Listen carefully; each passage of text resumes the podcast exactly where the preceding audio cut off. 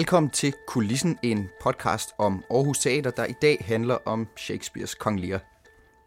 Ifølge sæsonprogrammet så er der nemlig premiere på Shakespeares klassiker den 11. februar på Aarhus Teater Store Scene, og uanset hvad smittetallene de indikerer, så arbejder alle forestillinger på teatret på at være klar til at spille, så snart myndighederne giver grønt lys. Det betyder, at øh, Jens Jørgen Spottak, han staver rundt som kong Lear og forvilder sig ud på heden, og at Shakespeares replikker, de flyver gennem prøvelokalet under kyndig vejledning og dirigering af ingen anden end dig, Katrine Hvidmann. Velkommen til. Tak. Du er instruktør på Kong Lear, og teatergænger vil kende dig som en af de øh, mest anmelderroste teaterinstruktører herhjemme. Du har tidligere været instruktør på Shakespeare-klassikere som Hamlet og Macbeth og Et vintereventyr, og nu endelig Kong Lear. Øh, et stykke, som handler om en konge, der skal afgive magten og ender med at blive gal, ligesom at jeg var ved at blive gal, da jeg skulle forberede mig på at snakke om det her stykke, fordi der er jo 5.000 ting, som man kan tage fat i og kaste over, og derfor så skal vi i virkeligheden starte et helt andet sted.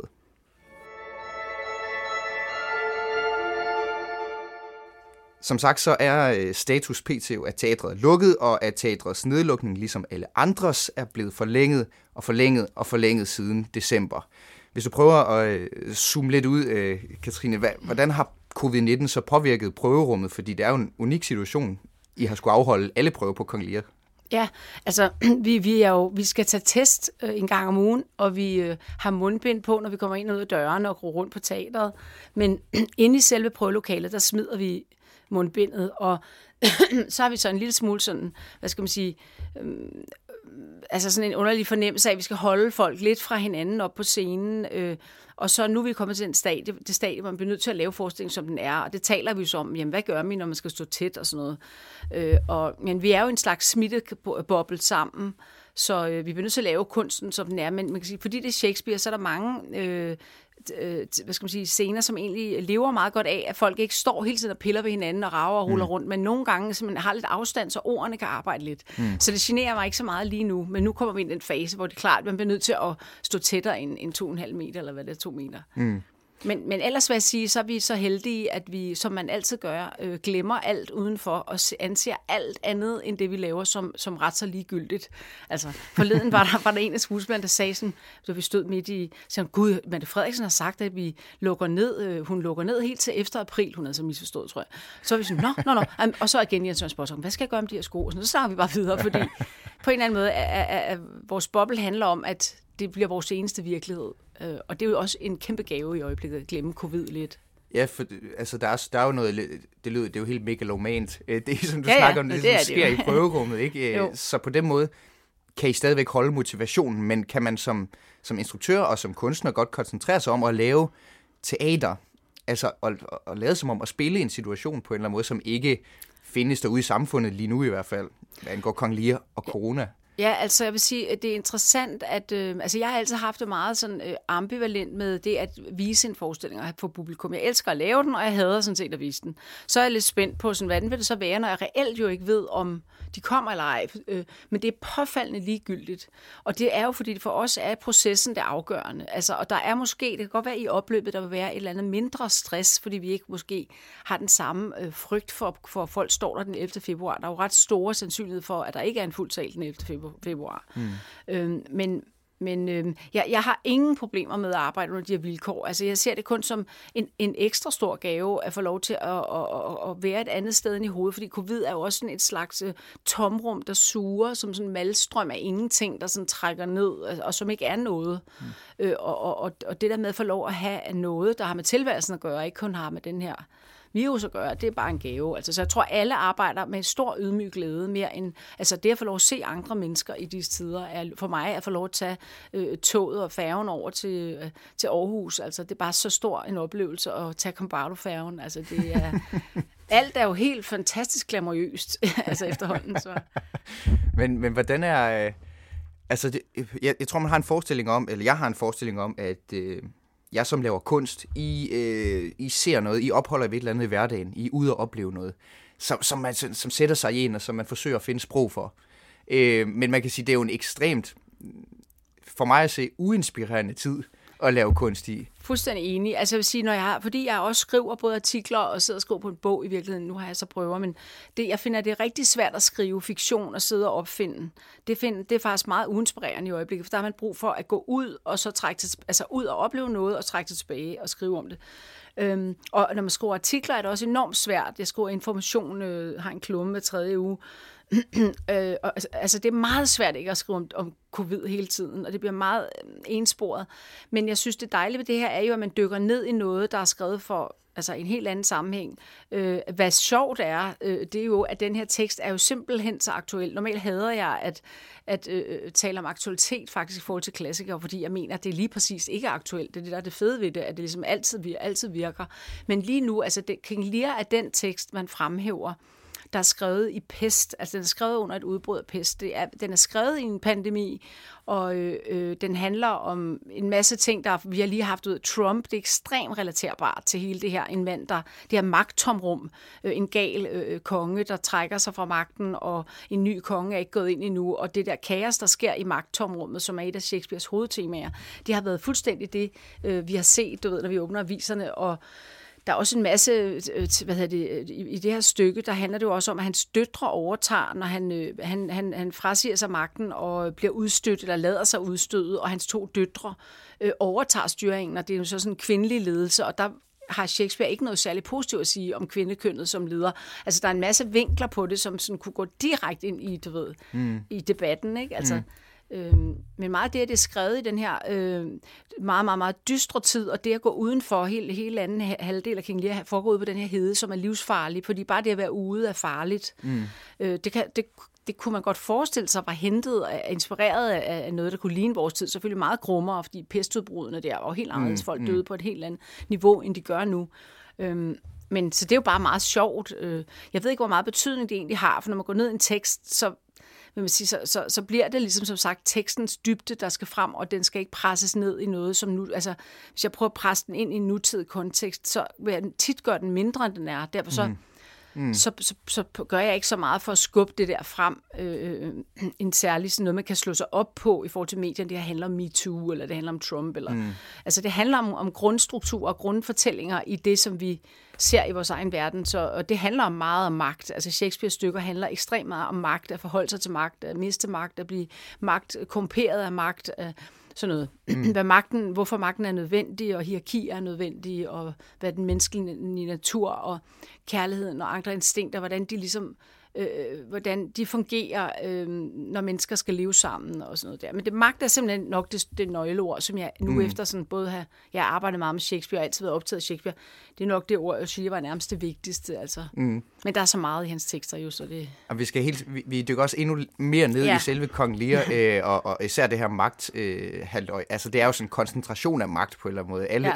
alle der interesserer sig ja. for magt, ja, simpelthen. kan jo se Kong Lear, men det kan vi snakke om lige om lidt. Først og fremmest, så skal lige, jeg læste nemlig i den klumme, du siger, du skriver for information, at øh, der skriver du blandt andet om det her med, at Kong Lear, så vidt vi ved, er skrevet mellem 1603 øh, og 1606. Det vil sige under pestudbruddet, og der er, sådan, der er alle mulige historiske ukorrektheder på linje med, fandtes Shakespeare overhovedet, eller var det ja. Marlowe, alt det ja, der ja, ja. om hej. Men min pointe er, øh, at der bliver i virkeligheden ikke lavet så meget øh, kunst på det tidspunkt, som ligesom har, i hvert fald ikke som, som har overlevet tiden i lige så høj grad, som folk de har skrevet fortællinger, som på bagkant udfoldede sig under pesten, eller handlede ja. om pesten, ja, altså ja, Thomas ja, Mann ja. skriver om pesten, ja, eller ja. sådan noget. Øh, på en ja. eller anden måde går pesten igen ja. op gennem litteraturhistorien, men ikke mens pesten stod på. Nej, det er øh, hvor, hvorfor tror du, det er sådan? Kan man ikke apropos det her med øh, en uinspirerende, altså mm. pandemien er uinspirerende. Ja, jamen jeg tror det er For fordi... at sige det på en super forkælet måde. Eller ja. sådan, altså, ja, men den er uinspirerende, fordi det er jo bare, sammen? altså som sagt, pandemien er jo en tom form. Det er ligesom ingenting, ligesom en influenza. Det er jo ikke spændende at være, at være syg med influenza. Det er i sig selv ikke noget. Øh, så det der er noget, altså som sagt, altså ja, kunsten er ikke, er ikke inspireret af pandemien, fordi Okay, vi kan jo godt, jeg vil sige, det kan, der er jo nogle interessante jagttagelser omkring sådan noget med, hvordan folk netop forholder sig til, øh, øh, hvad Mette Frederiksen siger, og hvor let folk har med, altså er vi flokdyr og gå i takt, og altså, altså nogle slags ting. Der er selvfølgelig nogle sådan ting, man godt kan jagtage om menneskenaturen, men generelt slipper det op, fordi at det, det, det, der ligesom er levende, og som er kunsten beskæftiger sig med, det er jo øh, øh det er menneskelige relationer, altså dybest set mødet mellem mennesker. Altså, og ikke, ikke et eller andet møde mellem en baksille og mennesket. Altså, det, det er ikke særlig spændende, faktisk.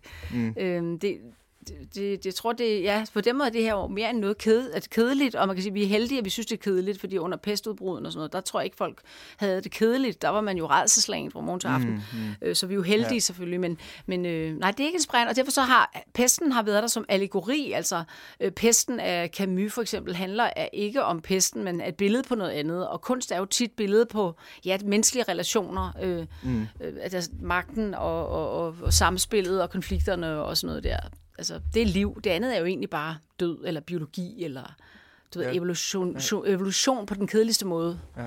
Det, det, kunst handler jo også om, om fremskridt og det visionære, og se en ny verden, og alt sådan noget der. Og det gør en pandemi vil egentlig bare rydde lidt op i rækkerne, og sådan gør vores race lidt stærkere ved at slå nogle af de gamle svage ihjel. Altså, mm. det vil den, ikke? Ja. Men det er, er det, altså, øh, jeg tænker på, om kunsten, den, så, er, det, er det så sådan, at kunsten den bliver sat på pause, eller bliver sådan lidt irrelevant, når der er noget biologisk eller altså pandemisk, der, der, der, der slår igennem, så må vi ligesom sige, det der, der handler om ja, det, det mellemmenneskelige, som er det, som meget kunst udspringer af, altså så snart et eller andet får en menneskelig dimension, så kan vi begynde at se på det som kunst, eller arbejde med det som kunst. Er det, er, hvordan, hvilke betingelser har kunsten så, når at der ligesom er et pestudbrud, og, ja. og i, i, i den skala, vi har i dag, i covid-19? Altså, man, altså det før, man kan sige, der er jo nogle basic behov, der kommer før det at gå ind og gå i teateret og læse en bog, og det er ligesom at overleve og spise, og dine børn ikke er syge, og du ikke bliver altså syg og sådan noget. Så altså man kan sige, lige når det lige bringer, springer ud, altså du pludselig har en pandemi på hele kloden og sådan noget, og her i foråret, der synes jeg, det føles absurd at sidde og grode sig selv og tænke, hvordan var det egentlig med det parforhold, der gik dårligt, og skrive om det. Altså når hele verden var i larmberedskab, der kunne jeg godt mærke, der havde jeg, altså jeg og, og de fleste havde jo en slags, altså man var faktisk mere bange, end man måske ville erkende eller der var en slags alarmberedskab, for det var nyt, og øh, man måtte ligesom vente og se. Øh, men, øh, men hvad hedder det? Øh, så derfor tror jeg egentlig, på det tidspunkt følte jeg ikke, det gav mening. Man kunne jo også læse en masse om, hvordan kunstnere rundt omkring på kloden sådan overvejede, om de skulle, skulle, hvordan skulle man udtrykke sig, og så når man sad hjemme sit, skulle man så lave, altså hvordan kunne man ligesom udtrykke sig i pandemisider. Jeg var ikke fascineret af det, fordi et eller andet mm. sted var det jo bare ikke logisk at lave noget, og det er ikke spændende egentlig heller. Øh, så kunstneriske udtryk fra den tid, og øh, er måske ikke så spændende, og vi, altså, hvor, i vores forberedelser til King fandt sted under pandemien, og vi overvejede også noget med, skal man ligesom have mundbind og sprit, og er det sjovt at lave en sprit af inden, mm. inden til kærlighedsscene og sådan noget. Mm. Er det morsomt, eller er det ikke interessant? Øhm, og, og der tror jeg, at det, som vi har, vi har taget noget med os faktisk, at i forestillingen bærer helt klart præg af at være lavet under pandemien, fordi vores scenografi er for eksempel meget mere spektakulær, end jeg egentlig ville have lavet ellers, fordi at vi faktisk, mig og scenografen, sad og googlede, vi sad jo der og googlede øh, hjemme hos mig øh, alle mulige sådan, forestillinger, og jeg sad og kiggede meget i New York Times og læste om teater, hvad jeg aldrig gør. Jeg gider ikke læse om teater normalt, men jeg ved ikke, hvorfor jeg har søgt tilbage til min ur øh, mm. mit uridentitet, eller mit, som er mig som teaterinstruktør, efter ikke have givet egentlig ta- gå op i teater på en måde mm. i mange år, så var jeg sådan, pludselig var jeg inde og læse om teater, og googlede de her flotte forestillingsbilleder fra over hele verden, og tænkte, hvorfor vi laver vi ikke en forestilling, der i hvert fald ser flot ud på billeder på nettet, så New York Times. What is this? In mm. Orange Theater, they did this fabulous uh, King Lear with this strange scenography, where they are upside down. Og, du ved, så tænkte jeg, at vi lave sådan noget, som imponerede på internettet, hvis det var det her fortsat. Og det ligger på en eller anden måde i forestillingen, at billederne ser bare man kommer ind i salen, ser det sindssygt flot ud, og det var også vores idé. Ligesom. Så det har født noget, med, øh, altså det har givet et eller andet afkast, men, øh, men ja, men ja, som sagt, så, så, så, så, så, tror jeg meget på at glemme det. Det er min store ting. Jeg skal bare prøve at glemme det her. Og det gør vi fire timer eller seks timer om dagen i øjeblikket, ikke? Ja. Nå, men det, det, det er jo altid noget, kan man sige, på en eller anden måde, at de kan lukke døren ind til prøverummet, og så, og, og så, er, det, så er der ligesom etableret en, en ja. boble, ikke bare en uh, isoleret smitteboble, men også en uh, inspirationsboble derinde. Ja, ja, og man kan sige, fordi pandemien, min har det er lidt barmhjertigt, at de forenkler alt. Det er som om, der er kun én ting, vi er bange for, det er covid. Der er kun én sygdom, det er den. Øh, øh, hvad skal man sige, der er kun et slags problem, du kunne have et parforhold, det er, hvis I bor sammen, læser sammen hele tiden, fordi mm. der er mhm. covid. Altså, der findes tusind problemer. Folk bliver stadig syge og dør og bliver kørt over i trafikken og får kræft og mm. Altså alt kører jo videre i virkeligheden. Der findes mm. tusindvis af ting, man menneskelighed består af stadig, men man har en eller anden underlig enøjethed, som også er meget barmhjertig lige nu, men som ikke rigtig kunstnerisk ligesom er sand eller sådan. og så her, altså ja, der er jo også noget med, kunst er jo også meget noget med håb, kan man sige. Altså på et tidspunkt, jeg føler absolut, at, eller hvad hedder det, at kunst efter i første instans og føles som sådan noget, en sekundær på, på, på behovspyramiden, ikke, absolut ikke noget primært, primært behov, så, så har jeg tænkt over, hvor ekstremt vigtig kunst er i sådan en oplevelse. For eksempel i den meget, altså faktisk i det der totalitære oplevelse, der er, at hele kloden nu øh, øh, reagere på den her måde over for en pandemi. Det er jo første gang nogensinde, at man har kunnet øh, kommunikere sådan, at man over hele kloden kan luk, luk, lukke ned mm. samtidig og sådan noget. Den der totalitære oplevelse af at være en del af det her store... Øh, apparat øh, med internettet som samlingsorgan, ligesom, øh, der, der, der, i det, som i sig selv jo kan være ret skræmmende, for hvad hvis det var nogle forkerte tanker, politiske tanker, der blev brugt, og fik alle folk til at gøre det her, bare ved et klik og sagde, der sker den her trussel, og bang, så lukker vi alle dørene, fordi vi tror mm. på, det er rigtigt, og det var det ikke, eller et eller andet. Mm. Ikke? Øhm, der synes jeg faktisk, at kunsten kan blive ved med at stille de der spørgsmål, farlige spørgsmål og undersøge det der totalitære øh, Øh, Øh, der foregår. Altså masser af ting, hvor jeg tænker, at det er vigtigt, at den fri tanke, øh, som kunsten er jo øh, hvad skal man sige, kendetegnet ved, at det er en person, der tillader sig at stille sig selv nogle spørgsmål, som måske ikke er kommet få eller ikke er populære, som de heller ikke helt selv ved, hvad er, og ligesom øh, er ude i gråzonen, ude i det, de ikke selv forstår, og, og, og alt det, som bliver tabu, tør de ligesom rode rundt i. Ikke? Mm. Og det er en men, det er et menneskes opfattelse. Altså, det er jo ligesom kunsten. Ikke? Altså, så, så det er vigtigt at høre, hvad det enkelte individ, hvordan de ser verden. Altså virkelig som man kun kommer til at have de her, der er jo hele tiden lige nu de her vedtagende sandheder, man hele tiden bliver enige om, i floktænkning, enige om dit ene. Der er masser af ting, du ikke må tænke. Der er jo ekstremt meget tankekontrol i disse tider. Altså, der, Øh, der er rigtig, rigtig, rigtig, rigtig mange ting, man ikke må. Man må ikke sige dem højt, og man må heller ikke tænke dem, og derfor der bliver kunsten virkelig vigtig. Øh, så jeg føler at virkelig, virkelig, det giver god mening. Altså. Og som mm. sagt, når vi står og går hen og ned i den her tekst, så er jeg ikke i tvivl om meningen øh, og værdien af at beskæftige sig med den øh, for et eventuelt publikum, hvis de når ind og ser det. Mm. Altså hvis vi får lov at vise det. Ikke? Mm.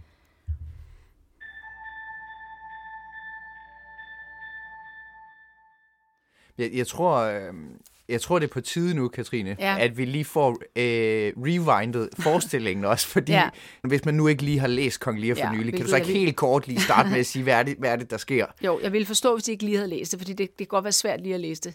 Øh, sådan er det med de gamle tekster der. De, er, de kan godt være svære lige at læse, så øh, Øh, derfor kan man gå i teateret lige og, og se dem ligesom serveret af nogen, der, der prøver at fortælle, så man forstår det. Så man er fri for at læse dem. Ja, ja, lige præcis. Jeg faktisk noget af det, jeg sætter allerhøjest, det er at prøve at lave en fortælling, altså en Shakespeare-forskning, hvor du faktisk forstår det. Det er allerede i sig selv bare ja. en øh, faktisk stor ting at opnå. Ret stort benspænd. Ja, det er det faktisk, det er det. Kan vi lige få ja, helt fra toppen ja, sådan helt Kort, ja, øh, det, er, det er kongen, øh, øh, som, som vil afgive magten og ride og dele det i tre til sine tre døtre. Øh, de skal så øh, sige til ham, eller erklære for ham, hvor stor deres kærlighed er, og så vil han så give dem en del, der ligesom svarer til, hvor meget de kan erklære deres kærlighed. Og det er sådan øh, noget, der kommer bag på alle, øh, at, han, at han ligesom øh, beder om det. Og det, så har han en, en, den yngste datter, hans øjesten, Cordelia, hun nægter at gøre det, fordi hun synes, det er ligesom korrupt at skulle sælge ud af sin kærlighed. Så hun vil ikke øh, fortælle ham, eller hvad skal man sige, i alles påhør stå og sælge ud og sige, at hun elsker ham så så meget for at få noget mere land. Det vil de to andre døtre til gengæld. Så King Lear, han bliver rasende og, og forskyder øh, smider Cordelia ud af landet og giver landet til de to andre søstre det går ret hurtigt i, øh, i kaos imellem dem, fordi at han ikke faktisk vil afgive magten. Han, det er lidt ligesom en arvestrid, hvor den gamle vil, øh, hvad skal man sige, nu jeg skal jeg bare, øh, I tager jeg af sommerhuset, I tager jeg det hele, og nu øh, styrer I det, men i virkeligheden vil han ikke afgive magten, og han går rundt og styrer, og til sidst smider de ham på porten, øh, og så foregår helt anden del, hvor han er, er ude på heden og møder andre forskellige skæbner, der også er smidt ud, og han, han er på en stor rejse, hvor han sådan langsomt ligesom bliver skrællet ned, og, og ser blandt andet møder han nogle af sine undersåtter og forstår ligesom, hvor, hvordan folk har levet under hans ledelse, og hvad, han siger, at et menneske er blot den her nøgne skikkelse, og han vil tage tøjet af og mærke, hvordan det er. Så han, gennem det, han bliver gal, mm. øhm, og hele riget er ligesom gået ud af synk, fordi at han ikke er leder. Og i det tomrum, hvor han ikke er på magten, så begynder de her to kvinder jo at styre landet, øh, og det bliver mere og mere brutalt, og de, de kan slet ikke samle deres hær, når nu Frankrig så kommer og vil i krig med England, så øh, det er ligesom det hele er en krig til allersidst, så er det godt i fuldstændig opløsning i de engelske rækker, og alle ønsker at få den gamle konge tilbage. Selvom han nok var en brutal leder, så var han immer væk leder af landet. Øh, og så til allersidst øh, kommer Cordelia så tilbage, og for at ligesom at reddes har, eller for forsones med ham, og tilgiver ham det, han har gjort mod hende, og hun, øh, så han bliver tilgivet, og at den lige ved, at det går godt, og det er lige før, men så sker der verdens ting, men, men det er lige før til allersidst, at det lykkes, at øh, han kan komme tilbage på tronen. Så dør, han, hun, dør hun selvfølgelig, og han dør, og det hele ender helt så går der Shakespeare dør, i den, Så går der altså, blodbad ja, ja. i den. Og så ender det med, at en ny leder, en ny konge træder ind og tænker, okay, det var mig langt ud i den gamle regering. Nu, nu, denne gang gør vi det meget bedre. Ja. Altså som det altid er, så kommer en ny regering, og så siger de, nu skal det blive alt sammen blive så meget bedre. Mm. Og sådan, altså, på den måde skildrer det den overgang fra et styre til et andet. Og så den her også meget, på en eller anden måde, på et eller andet, hvad skal man sige, øh, kammerspilsplan, er det også som sagt en arvestrid, en familiær strid, en far og tre døtre, øh, den gamle far er besværlig. Så der er også en masse, jeg vil sige, der er også noget af den humor, der ligger i stykket, eller noget af det genkendelige, som jeg også tager fat i, fordi at jeg, altså, der er ingen grund til, at man får en depression, når man går ind i teaterrummet. Og øh, som sagt, jeg bliver enormt glad af at læse den her tekst. Mm. Og, og der er også noget, altså han er en mand med ekstremt meget vitalitet. Altså det kan godt være, at han skal på pension, men han er med mig ikke klar. Og det er Jørgen Jørgen, jeg har valgt at, til at spille det, som jo er øh, alt for ung og frisk til at spille rollen. Og det, det er sådan, det skal være, synes mm. jeg. Tit bliver King Lear spillet af en meget gammel skuespiller, der næsten mm. ikke kan mere. Og så mm. skal han lige nå King Lear, inden han skal ja. graven eller på pension. Ikke? Men her er det ligesom en fyr, der stadig han har mange gode år foran sig. Foran sig ikke?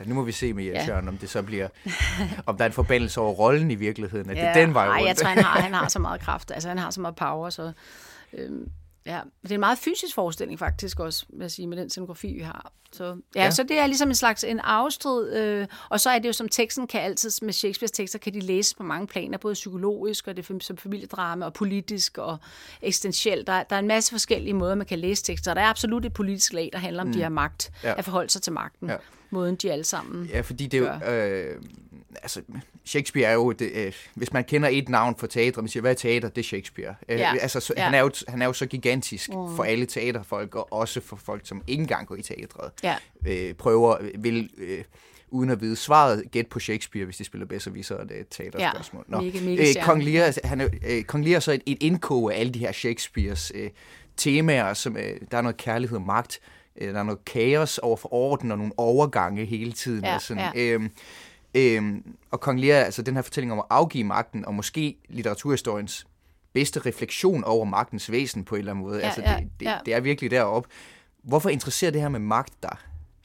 Jamen altså det tror jeg, fordi at, øh, altså, man siger, jeg begyndte at interessere, jeg læste de her Shakespeare-ting, øh, øh, og var vildt fascineret af, et eller andet, som stikker meget dybt. Det kan være både nogle eksistentielle ting, og, og så læser du Romeo og Julie, og synes, det var kærlighedshistorierne, og du ved, sjofle vittighed af Romeo og Julie, er enormt sjov at læse, når man sådan er 14 år. Ej, hvor vildt det der, det er en sjofle vittighed. Altså sådan, mm. så kommer jeg ind af den vej, og så øh, er jeg bare med tiden, jo mere jeg arbejder med det, begynder jeg bare ligesom mere og mere at se det som det, det, det, det, for det, det, det er jo makrokosmos i det, at det handler også om statsledelse, altså om at, at styre et samfund. Hvordan skal vi have styre vores verden? Hvad slags ledelse? Hamlet handler rigtig meget om, øh, hvad slags ledelse. Er det Hamlets ledelse, som er en humanitær, øh, hvad skal vi sige, en, en poet, en, en klog, tænkende mand, øh, øh, eller er det Claudius, som er brutal og strategisk og får tingene gjort, og vi står altid øh, med vores verden i de samme dilemmaer, hvordan skal verden styres, øh, øh, og, og det er jeg bare begyndt at se mere og mere på, fordi jeg, altså, øh, måske fordi, at øh, familiedramaet og de emotionelle ting og sådan noget, eller hvad hedder det, følelsesmæssige, øh, det, det er jo også, det er fint, det er der, men det, det er ligesom det andet, der jeg, jeg ser som det mest centrale nu, men det spændende er, at man altid ser teksterne forskellige fra årti til årti, altså i ens eget liv. Jeg har set, ja. jeg har lavet Hamlet en gang kun, men jeg har vi lavet det hele livet, og jeg har set det forskelligt. Altså jeg har vi læst det forskelligt igennem alle de forskellige årtier, jeg har levet, har jeg set dem forskelligt. Og lige i øjeblikket ser jeg meget det der med, med med magten. Altså det kunne også have været tidligere, tror jeg, jeg var meget mere på døden, for eksempel. Altså dengang, at jeg var ung, ville jeg være mere på, at det var noget med, at han skulle dø, og noget med en far, der græd over en datter. Der er man jo meget på far-datter-relationen, når faren har mistet et barn. Det er jo frygteligt. Altså det er ikke, fordi det ikke er forfærdeligt, når han får sit støde barn i armene. Altså en forfærdelig scene. Og... Men, men nu er jeg sådan... Jeg synes bare, det det andet plan at mig bare intellektuelt selv, og jeg ser det meget, jeg tror også, det er meget derfor stykkerne har overlevet, fordi det har de der mange lag, altså det kan ligesom læses på så mange lag, så ja, jeg ved sgu ikke, hvorfor at det bliver det, man sådan alligevel øh, begynder at, ja, måske det er bare, fordi det er det nye lag, øh, jeg ser i det. Ej, det handler sgu meget om det, magt.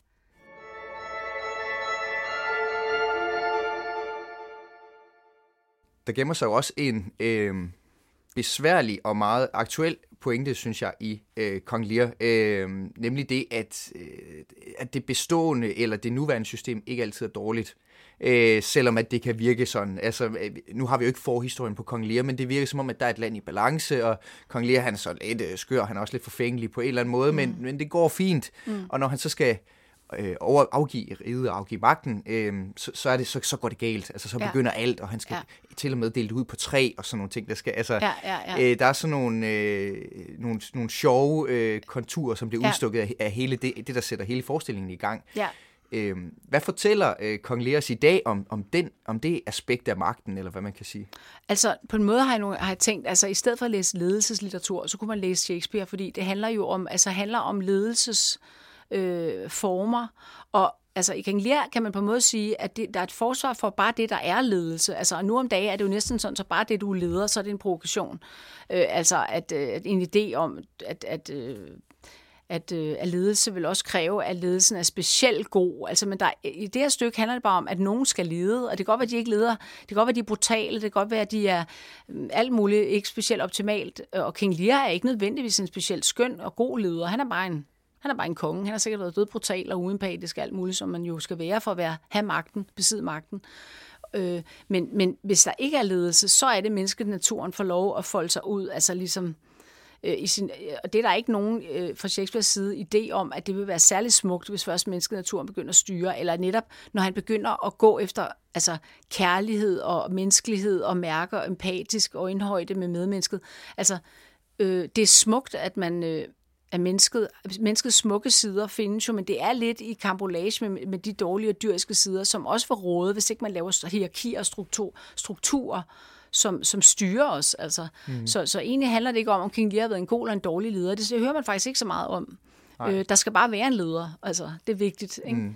Og det er jo ret interessant og provokerende. På en måde bliver han jo fristet til menneskelighed, og fristet til blødhed, og fristet til kærlighed, og fristet til pludselig at lade sig elske og elske selv. Og, altså, den, den side af ham, at gøre ham svag. Mm. Fordi magtmennesket, man skal jo ikke gøre sådan nogle altså, øh, illusioner, at det at have magt betyder, altså du skal gøre dig hård. Du bliver nødt til at være hård for at være en, en leder. Altså, det er jo også ekstremt naivt at tro, at en leder ikke bliver nødt til at blive hård over for visse medarbejdere for at kunne gennemføre det. Altså, der, men ledelse handler jo også om, eller at have magt betyder også at tage ansvar. Altså hvis man skal læse historierne som andet end ledelseslitteratur, noget der er relevant for folk, der ligesom øh, arbejder i en eller anden virksomhed, så handler det jo også om at påtage sig ansvar. Altså, mm. Og så tænker jeg, det med magten, som er et nøgleord, i teksterne. Altså, jeg tror også, det er fordi, at man måske, altså, hvorfor det er noget, som står mere og mere frem for mig, øh, når jeg har arbejdet med teksterne så meget og kender dem, det er jo, når man begynder sådan ligesom at have været i verden i et stykke tid, så begynder man også at se, hvordan alt er magt. Altså, der er magt alle vejen i alle relationer. Altså, der er ikke en relation, der er fri af det. Så er kærligheden er ligesom en idé om øjeblikke af noget, der er fri af magt, mm. og som bare er rent at give uselvisk og alt muligt i en visse møder,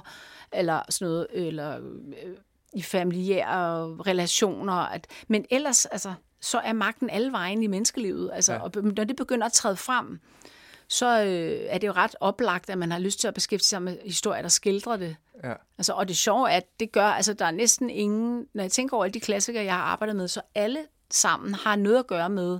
Der er nogle øh, konflikter, eller skal man sige, der er nogle historier med nogen, der kan være kærlighedshistorier, eller mindre familiære, eller øh, du ved, et plot af en eller anden art, men det er altid noget, der forholder sig til samfundet. Ja. Prøv at tænke på alle de klassikere, du kender, også i bogform. De fleste vil handle om et portræt af en tid, der har nogle dilemmaer, så der vil også være et mikrokosmos i historien. Ikke? Altså, ja.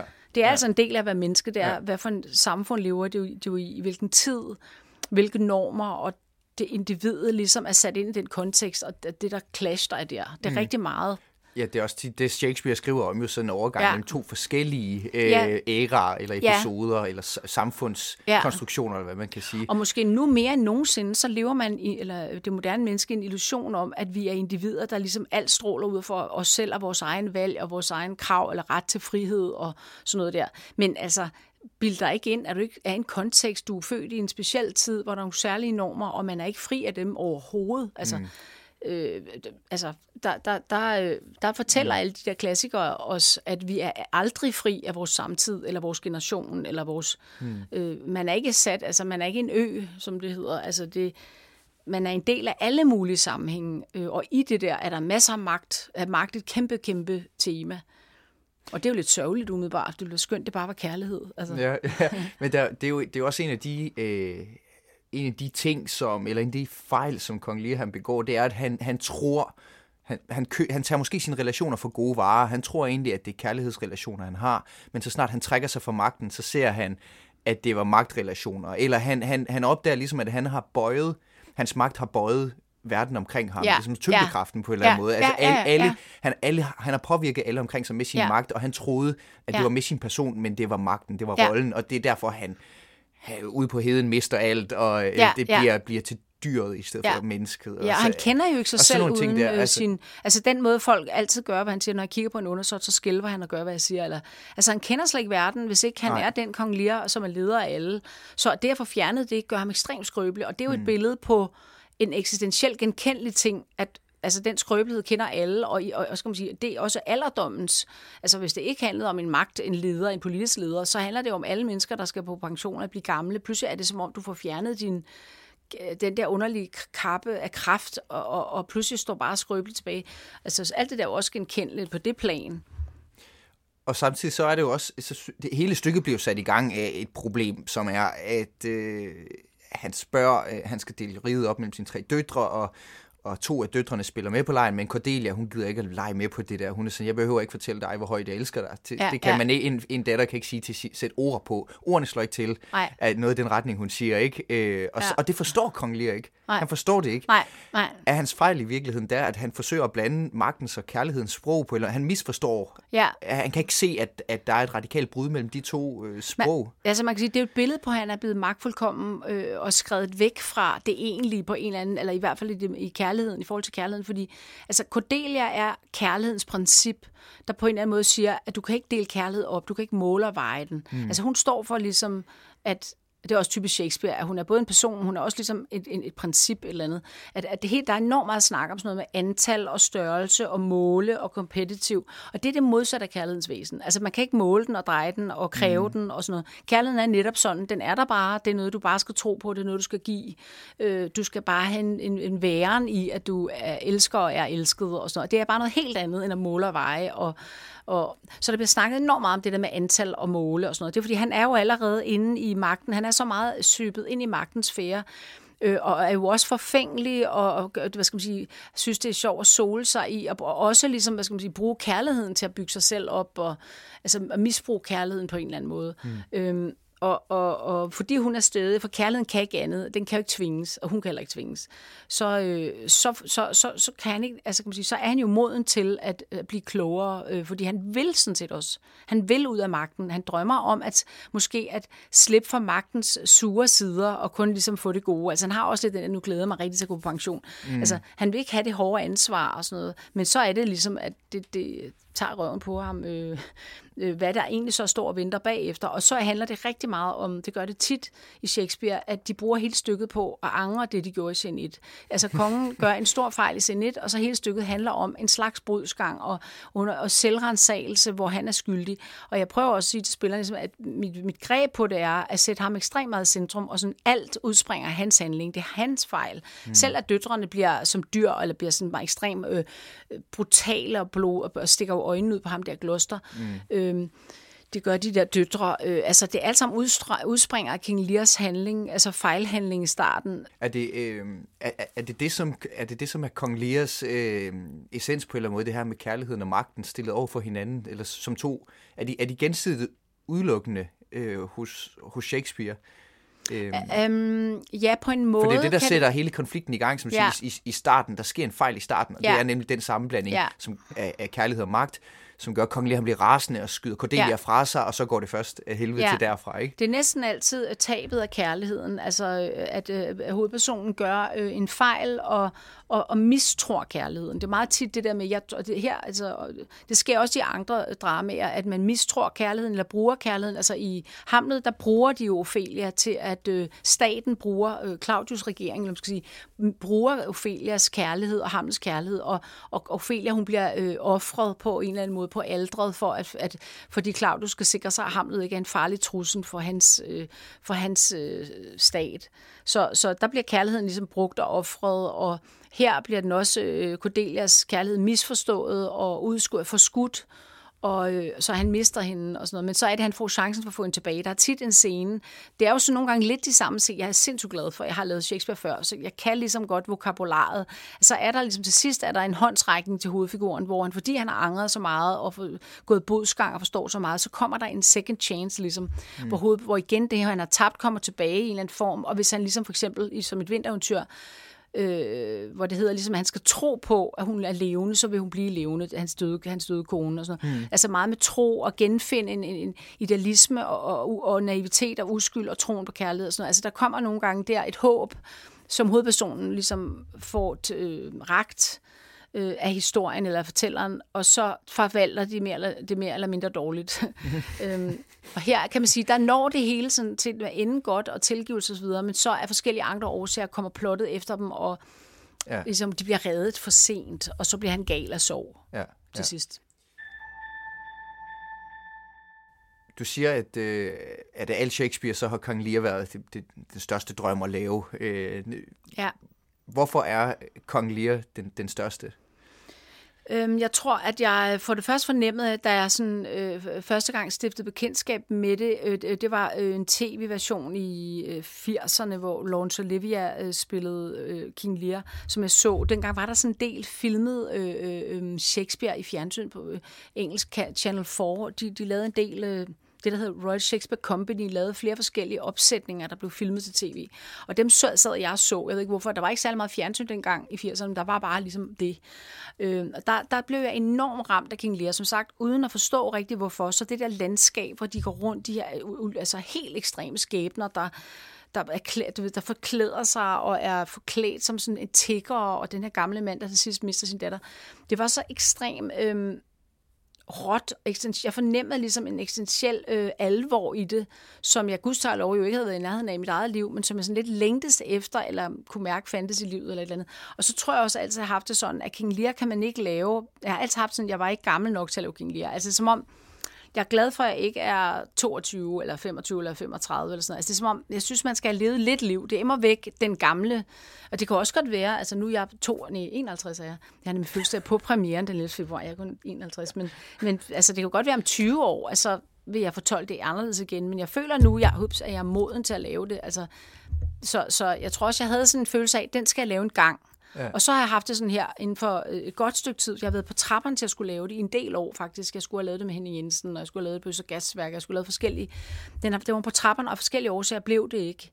Og så havde det sådan, pludselig, nu så, så jeg pludselig King, eller hvad han, Jens Jørgen i, i kantinen på øh, det kongelige. Jeg kender jo Jens Jørgen godt. Og pludselig så jeg ham til, gud, han er sgu da, han er sgu da King Lear lige nu. Det er da ham, der skal lave det. Og så tænker jeg, okay, så ringede jeg selv til Aarhus Teater, fordi jeg vidste, at ja. på det kongelige teater, der havde de lavet det for relativt nyligt med øh, Tommy Kenter, og det vil sige, at Peter Langdal havde lavet den, så laver man det ikke i København i mange, mange år. Altså, man laver ikke King Lear hele tiden. Så jeg vidste, at jeg kan ikke lave det i København, øh, og så i Danmark, så tænkte jeg, så er det Aarhus Teater, hvor jeg, og jeg havde det sådan, jeg skal bare lave det nu her, jeg kan ikke gå og vente på det til evig tid. Ikke fordi jeg er bange for at falde død om, men jeg kunne bare godt tænke mig, og jeg har også en følelse af, at jeg nok skal lave den flere gange. Så jeg må hellere se at komme i gang. så heldigvis kunne jeg få Jens Jørgen ud af det kongelige teater, og fik Aarhus Teater med på at lave det. Så, så det, var, det, det er ikke, fordi jeg har været ærefrygt, eller sådan, men jeg har bare jeg har tænkt ligesom, at det skal... Altså som sagt, der skal være noget, der, der skal være en rigtig King Lear, en, en du tror på, som kan lave det, fordi det handler så meget om det. Øhm, så har jeg også ved at sige, så har jeg haft også længe ideen øh, om at lave, at det vil klæde King Lear at lave en, mere koncentreret kammerspilsudgave, for jeg synes, King Lear bliver som regel, at det meget tit, den ikke fungerer som forestilling, blandt andet fordi det næsten altid er det store udtræk, du ved, på store scene, masser af medvirkende. Der er jo enormt mange medvirkende i teksten. Mm. Men det der med at skære den ned til benet, og, og fordi når man beskærer castet, og her har vi kun otte mennesker, så bliver man ligesom nødt til at vide, hvad man vil fortælle. Mm. Så det der med at gøre det mere koncentreret, et kammerspil, genkendeligt, arvestriden, den, altså den del af det, trække det frem, så folk føler, at det ikke er så storladen fremmedartet. Og så selvfølgelig ramme dem dybt og inderligt, som stykket gør, men sådan prøv ligesom bare at vise, at det er ikke noget, du behøver at frygte, som er særlig finkulturelt, særlig, særlig svært. Øh, og så at have den rigtige King Lear. Det, mm. det er ligesom det. Mm. Øh, så pludselig var pengene, passede pengene, og, og så ligegyldigt hvad, kan man sige, det jeg så i King Lear, det jeg har drømt om at udtrykke, eller et eller andet være i det rum, altså det jeg laver, vil på en måde aldrig kunne være det. Nu laver vi den her udgave af King Lear. Man, altså, det er jo sådan en ekstremt forbundet med min dybeste, du ved, min sjæl. Altså, det, min, det var noget, jeg læste og drømte om, da jeg var, 10, da jeg var ung teenager. På sådan, altså, det betyder, det er sådan spirituelt for mig nærmest. Altså, mm. de der mødet med de der tekster der eller med den tekst. Og sådan. Så derfor er det jo sådan noget, som jeg ved jo godt, jeg kan aldrig ramme det direkte en til en. Men det er ret spændende at få lov at konkret øh, sætte det på scenen. Og især når man kender en tekst godt og har arbejdet meget med, og den er meget, meget, meget, meget kompleks, så er det vigtigt, altså jeg er glad for, at jeg har gået igennem flere, mange Shakespeare-tekster, så jeg mm. også ved, at man skal også skære væk, altså man bliver nødt til at vide at fokusere et sted. Mm. Man kan ikke fortælle alle historierne, man bliver nødt til at sige, det skal være enkelt og simpelt og der er nogle ting, der må ryge, fordi du kan ikke, når du sidder som publikum, du kan ikke forstå alt det her. Du kan ikke for, jeg, jeg sidder og skærer tekster væk, som jeg elsker højt, mm. men publikum, der sidder og hører det her live, de mm. har ikke chance for at forstå alt, hvad er i sådan en tekst. Nej. For ellers ser man bare en væg af sådan nogle, der snakker, snakker, snakker, snakker, hvor de, man dybest set bare sådan står af. Altså, mm. Så jeg vil sindssygt gerne have et nyt publikum, og altså gerne også unge mennesker, der ligesom mig selv, altså til at, at få mødet med Shakespeare mm. og så man ikke bliver afskrækket, men tværtimod møder øh, altså glæden ved at lige gå igennem det besvær, som sprogets umiddelbare, du ved, filter øh, kan være, fordi man lige i starten kan blive skrækket, og det er ikke noget mærkeligt gammelt noget. Altså, hvis man lige, lige går igennem den væg og kommer ind bag i, så er det meget stærke plots, meget vilde historier, altså meget øh, alt andet end fint og højpandet. Tværtimod, så er det meget mere vildt, end det mm. er et eller andet, øh, du ved, hvad skal vi nævne, et eller andet andet moderne, der prøver at være vildt. Altså, det er virkelig vilde tekster, altså Shakespeare's tekster. Så, øh, altså, ja, det er selvfølgelig, øh, det vil jeg gerne formidle, altså, og jeg håber, at jeg kan gøre det med, den, med en lethed, fordi at det er noget, jeg kender så godt. Øh, Altså, øh, og for mig er de der tekster, øh, jeg laver jo meget klassikere, jeg laver nærmest mest klassikere, så, så for mig er det der med at arbejde med en tekst, der er virkelig, virkelig, virkelig øh, tung, kompleks og dør. Det, det, det virker antidepressivt på mig. Mm. Jeg synes, det giver så meget mening. Jeg bliver så godt humør, og jeg synes, jeg synes, det er meget sjovere at lave tragedier, end at lave komedier, fordi det, det er meget sjov, sjovere. Altså. Men man har også altid, når man læser Shakespeare, der er også et... Man, man, jeg, det virker som om, han kan godt lide at skrive Altså, når man læser, men der, det er som om, han, ja. han, han synes selv også, det er lidt sjovt, hvad han kan finde på. Sådan, ja, ja, det er jo sådan og det er jo ikke for, at, altså, men sådan Game of Thrones-agtigt. Lad, lad, lad, lad, en helt anden vej nu, ja, eller lad mig, ja. altså, lad mig tage røven på. Altså, helt og det er det der, øh, det kommer jeg til at tænke på, når du siger, at du har det helt vildt sjovt med at lave ja, det også. Så meget, det, så der ligger også lidt i Shakespeare, det der. Ja, øhm. Der ligger øh, rigtig meget ekstra øh, spændende indhold om Kong Lear, øh, blandt andet interviews med Jens Jørn Sportak, som vi snakkede om på øh, Aarhus Teaters website og på Facebook-siden også. Øh, Katrine Hvidemann, instruktør på Kong Lear, prøv prøv med det hele. God arbejdsløst, og tak fordi du vil være med i den her podcast og fortælle lidt om øh, Kong Lear. Tak. Vi krydser alt, der kan krydses for, at Kong Lear får premiere i februar, så folk de kan få lov til at komme ind og se, hvad I har fundet på. Mit navn det er Mathias Wissing, og jeg har stået for koncept og tilrettelæggelse. Marie Kolkær Højlund og Claus Q. Hedegaard har lavet lyddesign og musik.